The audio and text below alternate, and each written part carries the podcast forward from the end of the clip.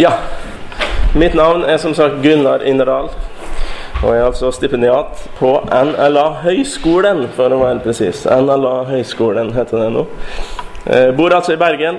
Gift og tre barn. Og går i Delke-menigheten i Bergen. Så veit dere bitte litt om meg.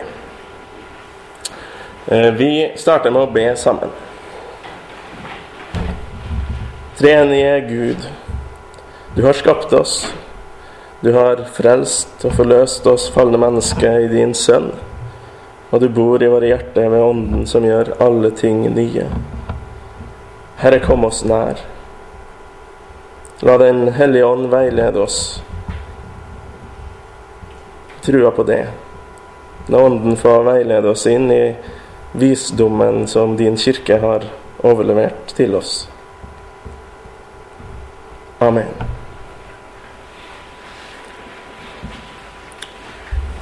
Hvem sier dere at jeg er? Og Vi starter med bildet av Kristus. Dette er et av de eldste bevarte ikoner vi kjenner. Kanskje 500-tallet eller noe sånt, fra et kloster i Egypt. Vi skal altså til Oldkirken, til Oldkirkens treenighetslære.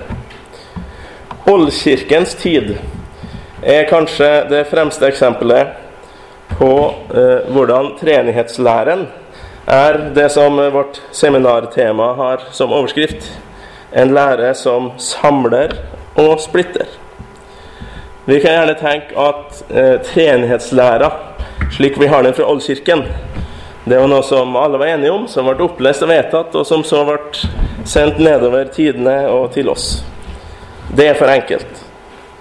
Utforminga av treenighetslæra i sin ortodokse versjon, slik som vi har fått den, sammen med utforminga av læra om Jesus Kristus, kristologien, den skjedde gjennom storpolitikk og kirkekamp, med deportasjoner og forfølgelser som sentrale ingredienser. Den prosessen vi kommer til å snakke om, involvert de fremste intellektuelle og de fremste religiøse og politiske lederne i den tida. Og I perioder var det sågar slik at de som vi regner som de ortodokse, altså de som sto for den eh, treenighetslæra som vi bekjenner oss til, var i mindretall. Og var marginalisert, og det så kanskje mørkt ut. Treenighetslæren var splittende Særlig spørsmålet om sønnen sin status i forhold til guddommen, altså i forhold til Faderen, i evighetens perspektiv. Men også spørsmålet om hans status som menneske, som eh, den inkarnerte i Jesus av Nasaret. Likeens var det eh, store diskusjoner om spørsmålet om Den hellige ånds guddommelighet og relasjonen til fra Ånden til Faderen og Sønnen. Så det var masse splittelse. Samtidig er det også slik at det knapt er noen tekst som er så samlende for hele den økumeniske kristne kirke som det vi kan kalle selve klenodiet, selve skatten fra oldkirkens treenighetslære. Det som med det lange og vanskelige navnet heter Den nikenskonstantinopolitanske bekjennelse eller bare den nikenske bekjennelse, eventuelt nikenum.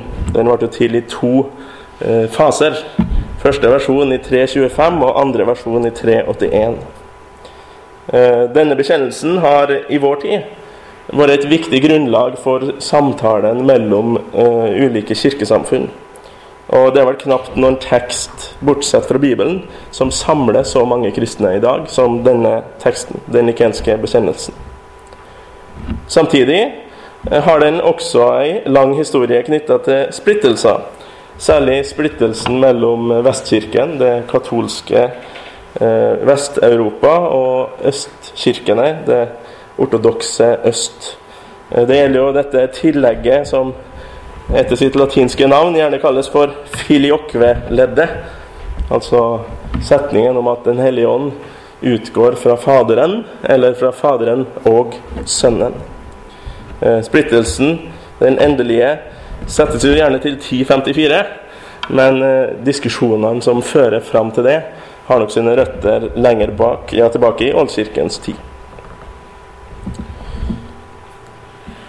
I det lyset, med all splittelsen, men også samlinga som oldkirka står for, så er det kanskje et lite snev av ironi i det at når vi går til reformasjonstida, så er det slik som Knut tegna opp innledningsvis i dag, at eh, treenighetslære og kristologi det var liksom banka igjennom.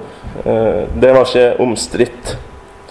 Eh, det ble ikke viktig i splittelsen mellom eh, de evangelisk-lutherske og eh, Roma. I den grad reformasjonen har anliggender når det gjelder treenighetslæren og kristologien, så går det ikke primært imot Rom, men mot forskjellige grupperinger helt på venstresida i reformasjonen. Eh, der det fantes folk som både fornekta eh, Kristi sanne guddommelighet og menneskelighet, og treenighetslære. Hovedbekjennelsen fra reformasjonen Confessio Augustana, eller Den augsburgske bekjennelse, den åpner helt enkelt med å henvise til den oldkirkelige treenighetslæren som troens grunn, i første artikkel. Den eh, høres slik ut. Våre menigheter lærer samstemmig at avgjørelsen på det nikenske kirkemøtet om det guddommelige vesens enhet og om de tre personer er rett, og at man må tro det uten noen tvil. Nemlig at det er ett guddommelig vesen som både kalles og er Gud. Evig, ulegemlig, udelelig, med umåtelig makt, visdom og godhet. Skaper og opprettholder av alle ting, de synlige og de usynlige. Og at det likevel er tre personer av samme vesen og makt og like evige. Fader, Sønn og Hellig Ånd. I artikkel 3, som følger like etter, i starten av den samme bekjennelsen, så beskrives eh, kristologien, altså læren om Jesus og hans eh, person, i eh, vendinger som ligner masse på det vi har i, i den nikenske bekjennelsen, men også i andre oldkirkelige bekjennelsesskrift, som eh, den bekjennelsen fra konsilet i Kalkedon i 451, eller i den atanas, atanasianske bekjennelse, som eh, Hans Johan nevnte i sitt foredrag. Det som kanskje er det spesielle, er at på en veldig tydelig måte knyttes eh, læra om Kristi to naturer. Altså at han er én person med en guddommelig og en menneskelig natur. Veldig tydelig til læren om forsoningen. Likeens lærer de, sies det, at ordet, det er Guds sønn, har tatt på seg menneskelig natur i den velsignede jomfru Marias liv slik at de to naturer, den guddommelige og den menneskelige, er uatskillelig sammenbundet i personens enhet. Én Kristus, sann Gud og sant menneske, født av jomfru Maria, som i sannhet er litt, er korsfestet, død og begravet. Og så sies det i fortsettelsen at dette skjedde for at han skulle forsone eller forlike oss med Faderen. Vi bør merke oss dette at det sentrale bekjennelsesskriftet fra reformasjonstida starter med en slik generell henvisning til det Oldkirken har overlevert oss av treenhetslære og kristologi. Det er grunnvollen for den evangelisk-lutherske læra om rettferdiggjørelsen ved tro alene. En dogmatikk som går ut fra teologihistoria, så å si begynner på, på 1500-tallet vil ende opp med store mangler. Lutherdommen sin katolisitet, eller Luther, lutherdommen sin allmenne kristelighet, er avhengig av at det pågår et kontinuerlig arbeid med Oldkirken sine sentrale tekster og teologiske tema. Og med det økumeniske klimaet som råder i vår tid, så bør dette arbeidet skje i nær dialog med de andre kirkene som anser nettopp de samme tekstene og den samme teologien fra Oldkirken som viktig. Og Det gjelder jo primært det som vi kaller for de historiske kirkesamfunnene, altså de store, gamle kirkene. Nå kunne vi ønske oss, når temaet er treenighetslæren i Oldkirken, at det helst skulle stå en som var kirkehistoriker her, eller en dogmehistoriker. Jeg er altså ingen av delene. men en sånn halvstudert stipendiat i dogmatikk. Så eh, i det følgende får vi ta det som det er. Og Her eh, blir det altså ikke noen stor vekt på historiske detaljer og presisjon. Men eh, jeg vil prøve å ha et fokus på å forstå de lange linjene i historien, med særlig blikk på hva de har av verdi for den systematiske refleksjonen. Både vår egen, men òg med et blikk for å forstå hva de tenkte den gangen. Eh, og om jeg skal være helt eh, sånn da til å begynne med si hva det er som har skylda for masse av det jeg sier, så er det professor Oskar Skarsaune, som nylig har gått av fra Menneskefakultetet, som nok er hovedleverandøren av det historiske stoffet til eh, gjennomgangen som kommer etter hvert. Særlig hans bok 'Troens ord' om de tre oldkirkelige bekjennelsene fra 1997 eh, anbefales. Med foredraget sin tittel 'Hvem sier dere at jeg er?' har allerede avslørt et hovedanliggende i det jeg vil si nettopp om disse store linjene.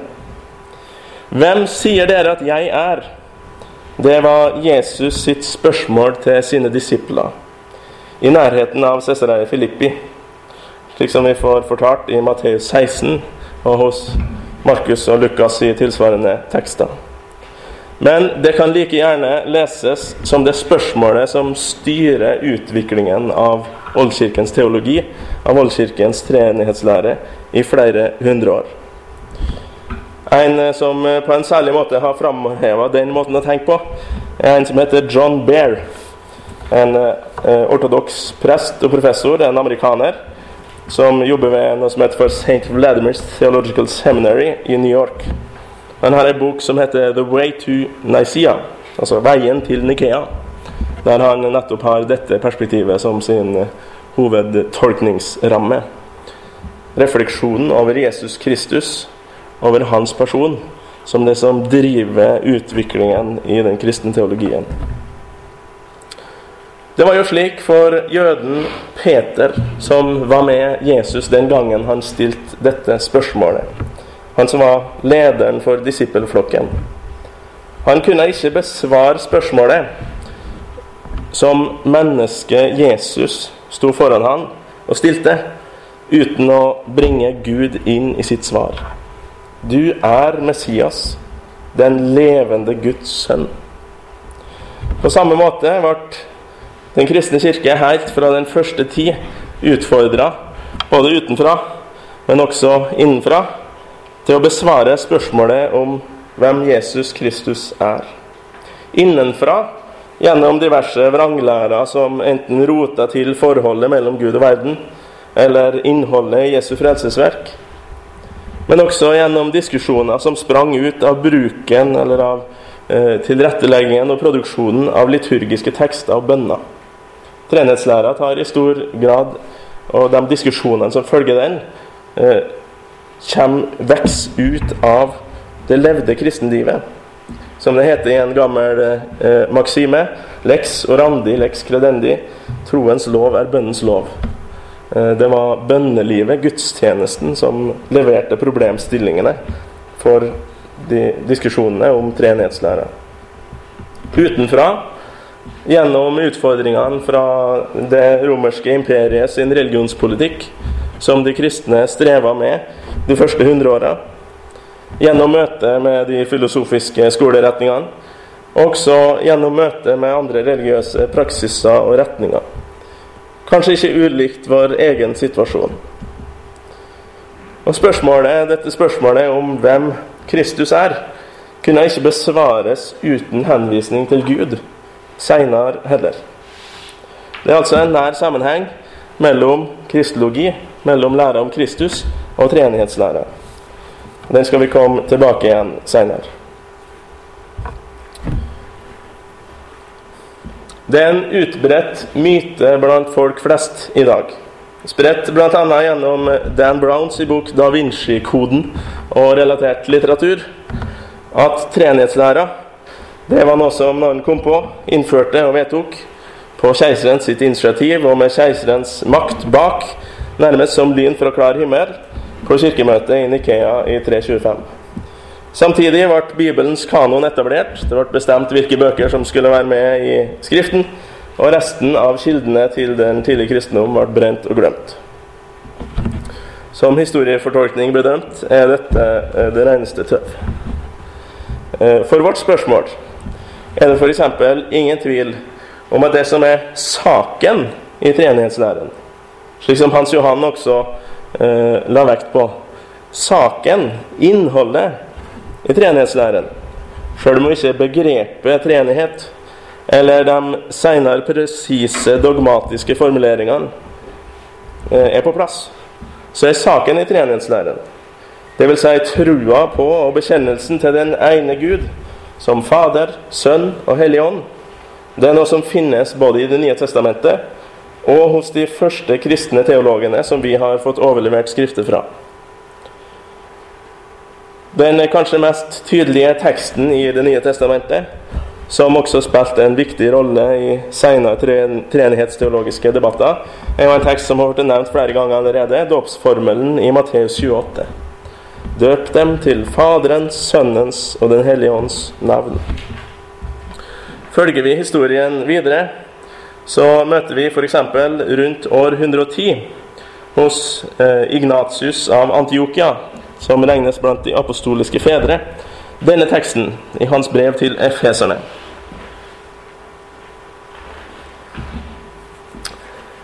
Dere er stener i Faderens tempel, gjort ferdige til Gud Faders bygning. Og dere løftes opp i høyden av Jesu Kristi heisekran, som er et kors. Og dere bruker Helligånden som krantau. Men troen deres er ledsager på veien opp, og kjærligheten er veien som fører opp til Gud. Det er nå et, eh, en saftig bildebruk med både heisekraner og tau, eh, men du ser strukturen her. Fader, Sønn, Ånd. De henger sammen. Det har noe med hverandre å gjøre. Ånden løfter via Kristus til Faderen. Eh, I mange av sine andre tekster har kanskje Ignatius et litt mer av dem som bruker det som et slags skjellsord, et binitarisk preg. Altså ikke en treenighet, men en binitet, altså en toenighet, så å si. I det han først og fremst omtaler Sønnen og Faderen sammen som Gud. Eh, slik som det jo òg er f.eks. i mange av tekstene i Johannes-evangeliet, som er viktige for treningslære, der det snakkes om forholdet mellom Faderen og Sønnen. På et sted så taler Ignatius f.eks. om, eh, med en litt dristig formulering, Guds blod, når han taler om korset. Eh, det er jo i grunnen det samme som Paulus gjør i en tale som er gjengitt i apostelgjerningene 20. Eh, der sier, taler Paulus om Guds menighet som han, altså Gud, vant med sitt eget blod. Så Kristi guddom og forholdet til Faderen er noe som teologene jobba med og var klar over lenge før vi kommer til 300-tallet, som vil være vårt hovedfokus.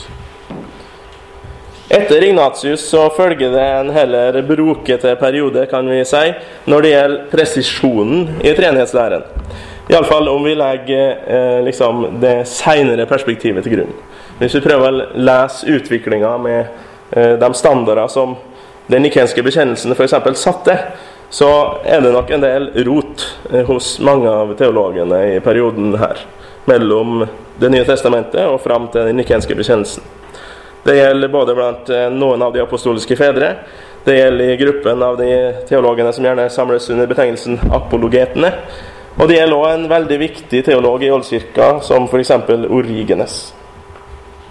De har alle stoff i sine skrifter som seinere treenighetsteologi kan gripe tilbake til å bruke. Men de har også formuleringer som er tvetydige på sitt beste, og som kunne bli, og også ble, misbrukt av forskjellige vranglærende retninger. Av andre viktige kirkefedre fra før eh, den nikenske strid og den nikenske tid kan vi nevne Ireneus av Lyon, som levde og virka på andre halvdel av hundretallet, som en eh, kanskje av de mest spennende treenighetsteologene. Han har et skrift som heter 'Bevis for den apostoliske forkynnelse'. Og Her har vi et sitat igjen. Dåpen, sier Ireneus, gir oss gjenfødelse til Gud Fader gjennom Hans Sønn ved Den hellige ånd. For de som bærer Guds ånd, ledes til Ordet, det er Sønnen, mens Sønnen fører dem frem for Faderen. Og Faderen bevirker uforgjengelighet. Det er derfor ikke mulig å se Guds ord. Uten Ånden og uten Sønnen kan man ikke tilnærme seg Faderen. I parentes ber jeg om årsaking for at dette er en oversettelse fra en engelsk tekst, og ikke fra en gresk original, For den fikk ikke tak i. Eh, vi kan også her i, eh, i denne perioden nevne Tertulian. Eh, en av de viktige tidlige eh, kirkefedrene i vest som skrev på latin. Eh, han var den første som brukte ordet eller begrepet treenighet. Han var også den første til å benytte begrep som vi kjenner godt fra seinere diskusjoner, som vesen.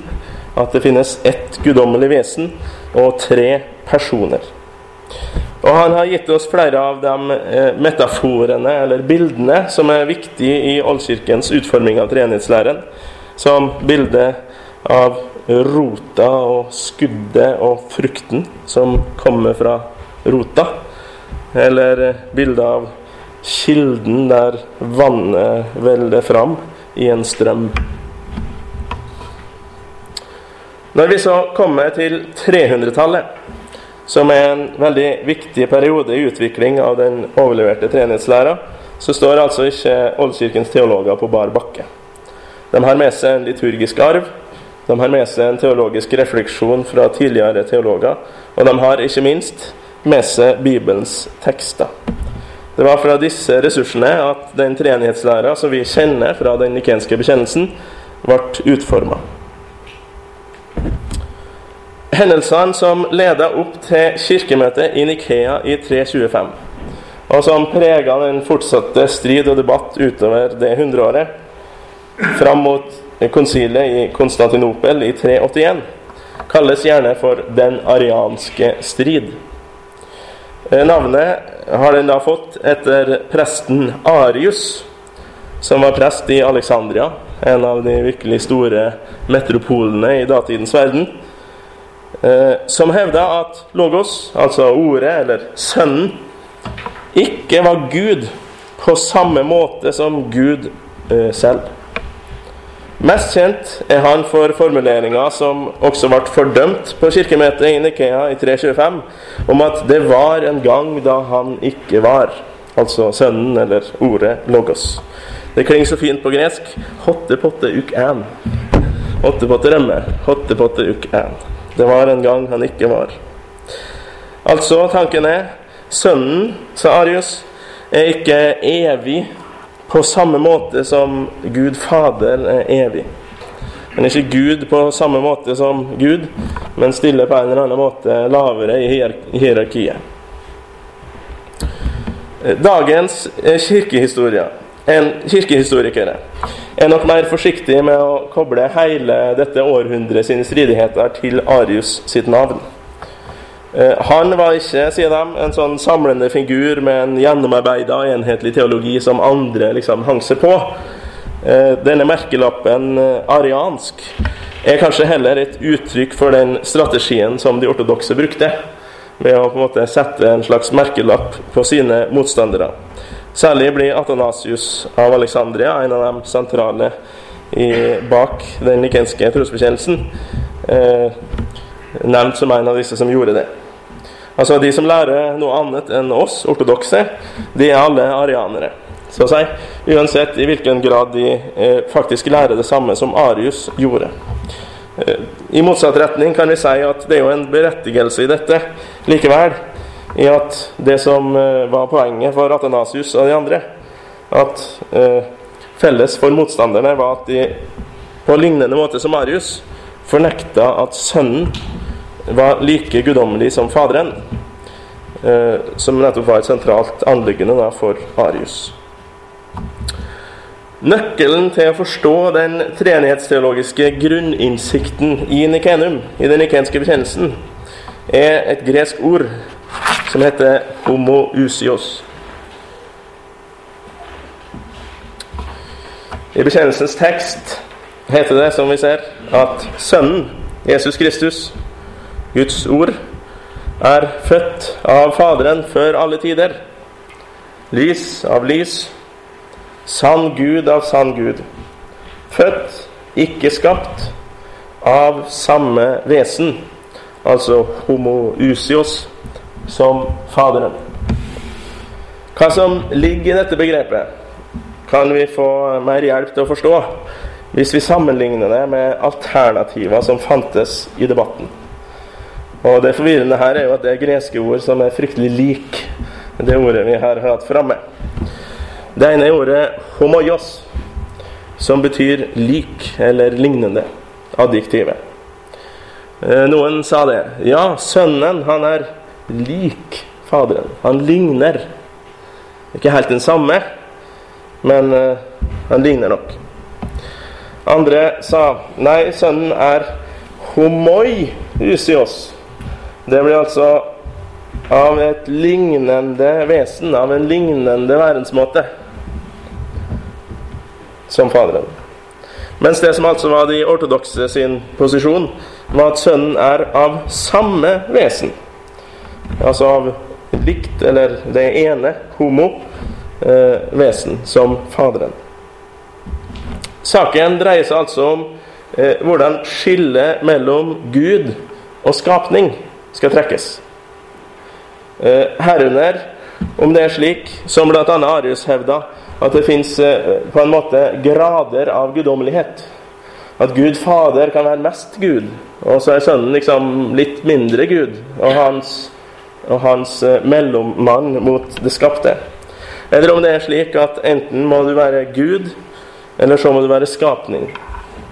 Og i så fall, sa eh, de nikenske kirkefedrene, da må vi plassere ordet, Sønnen, på Guds side. Han er av samme vesen som Faderen.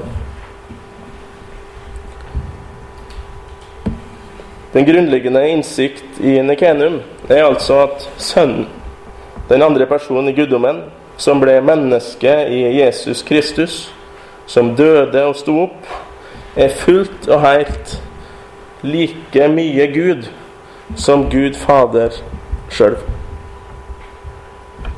Og hva er liksom poenget med det? Jo, dette har også for oldkirkens tenkere stor betydning for frelsen, for soteriologien. Athanasios av Alexandria sier i en kjent setning fra sitt eh, verk om inkarnasjonen at Kristus, Logos, ble menneske for at vi skulle bli guddommeliggjort. Lignende i et verk av Maximus Bekjenneren, en senere kirkefader fra 600-tallet, som jeg har jobba litt med, sier i verket sitt, en asketisk bok, eller en bok om askese La oss bli guder gjennom ham, altså gjennom Kristus. For det var derfor han ble menneske, han som er Gud og Herre av natur. Denne eh, typisk østlige måten å snakke om frelsen på, som guddommeliggjørelse, viser tydelig poenget med at Kristus skulle være fullt ut Gud. For logikken er var ikke Kristus fullt ut menneske, så kunne han ikke frelse hele den menneskelige natur. Men var han derimot ikke fullt ut Gud, så kunne han ikke gi fullt ut hele den guddommelige gave som frelsen er.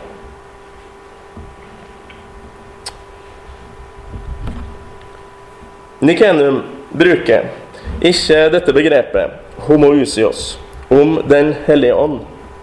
Men både seinere og delvis tidligere tekster bruker dette og lignende begrep felles om Fader, Sønn og Ånd. Et eksempel igjen fra det samme skrift av Maximus Bekjenneren. Eh, der eh, skildrer han eh, hvordan djevelen fikk se Jesu dåp. Slik Han fikk se at Herren ble døpt, at Faderen vitnet om ham, og at han som menneske mottok Den hellige ånd, som er av den samme guddommelige art. Det er det greske ordet 'genos'. Art, slektskap. Uttrykksmåten der er en eh, allusjon, en henvisning til en tekst hos en annen kirkefader eh, på 300-tallet, Gregor av Nazians. Det som sies om Ånden i den nikenske bekjennelsen, er at eh, Ånden eh, tillegges en rekke guddommelige egenskaper.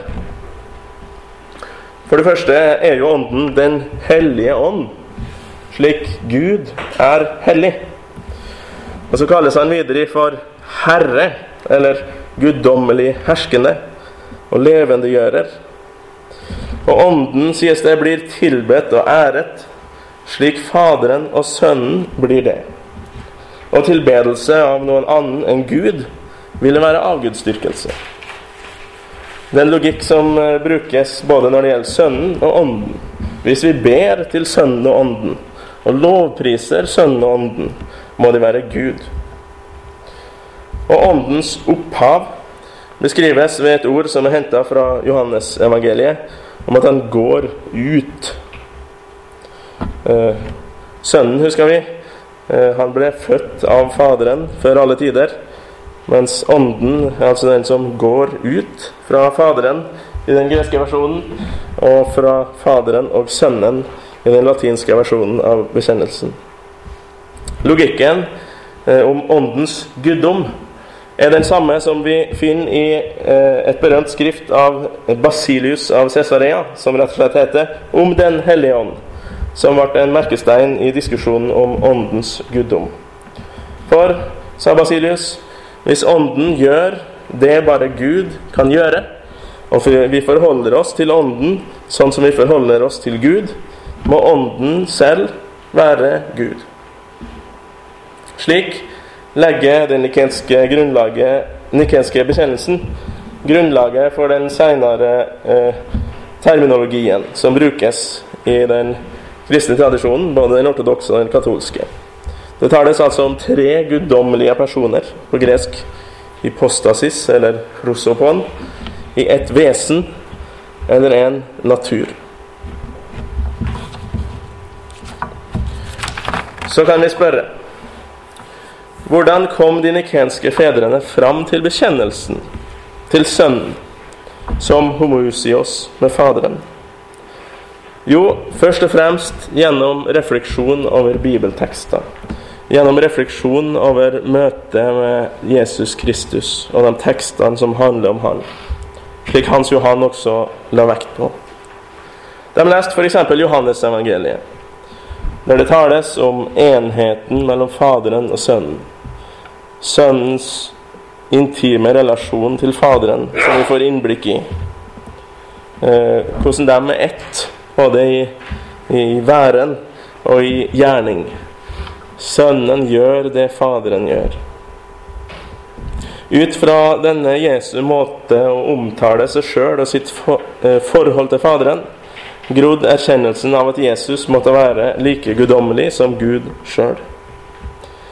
De leste også evangeliene sine fortellinger. Vi fikk høre mye om fortellinga om Jesu dåp eh, hos Hans Johan, som er en viktig fortelling i den sammenhengen.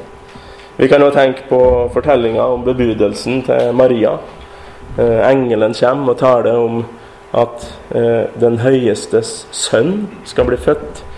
Dette skal skje ved at Den hellige ånd kommer over deg.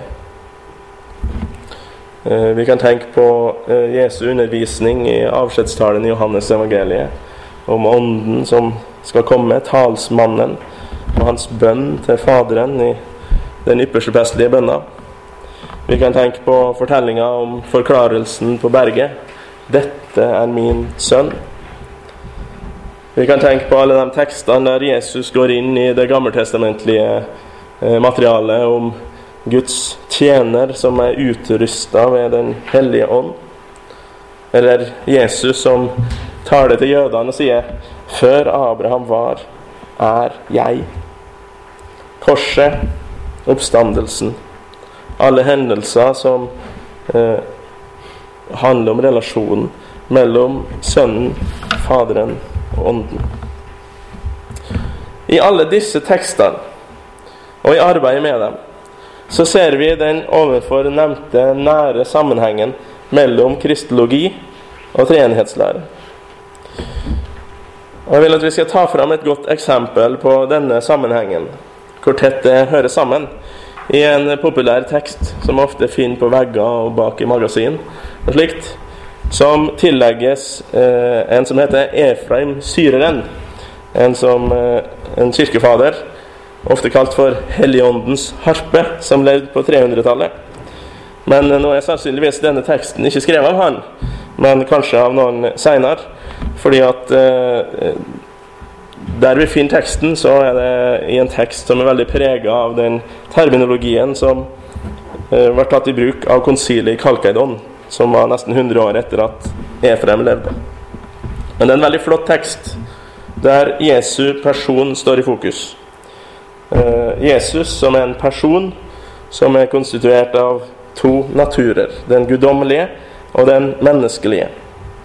Så lages det i denne teksten en lang, opphøya retorisk framstilling, en slags bibelteologi, over Jesu to naturer. Eh, teksten inneholder over 30 sånne antiteser som dette har. Om han ikke var, dersom han ikke var menneske, og dersom han ikke var Gud. Eh, det brukes altså her når vi har oversatt 'menneske', så er det altså det greske 'sarks', som er ordet som benyttes i eh, Johannes 1. Ordet ble kjød, eller ordet ble menneske.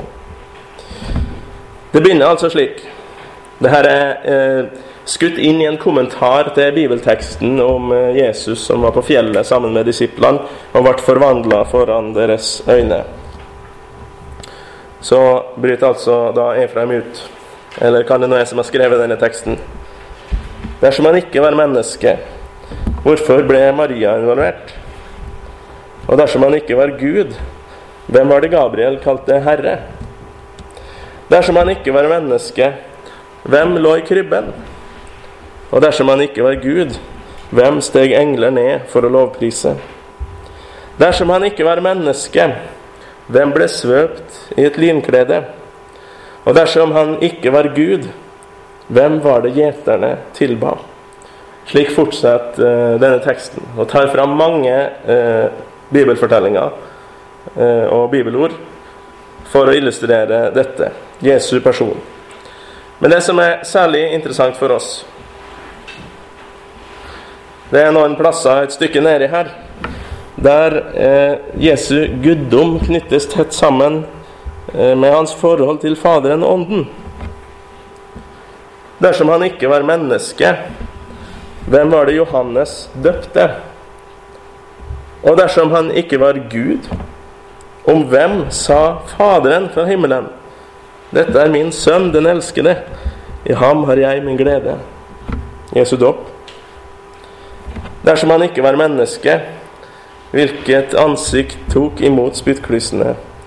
Og dersom han ikke var Gud, hvem blåste Den hellige ånd mot apostlenes ansikter?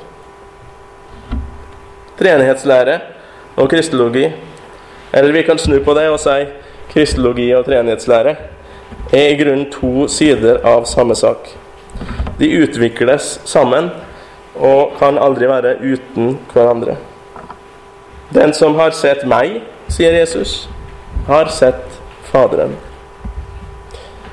Så det er verken om vi reflekterer over det systematisk, eller om vi legger et historisk perspektiv til grunn, slik at Oldkirken hadde på en måte én debatt om kristologien og en annen debatt om treningslæren.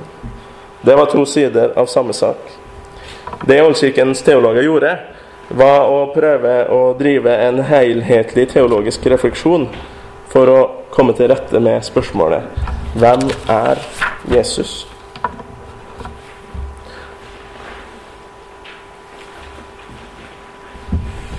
En liten epilog til slutt. om treenighetslære og skrifttolkning eller skriftlesning. Den nikenske bekjennelsen inneholder to interessante utsagn om Skriftene. For det første sies det i den andre artikkelen om Sønnen at Sønnen oppsto den tredje dag etter Skriftene. Slik eh, også Paulus sier i 1. Korinterbrev 15.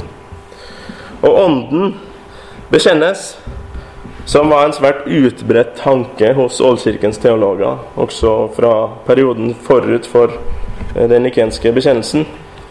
Ånden er den som har talt gjennom profetene.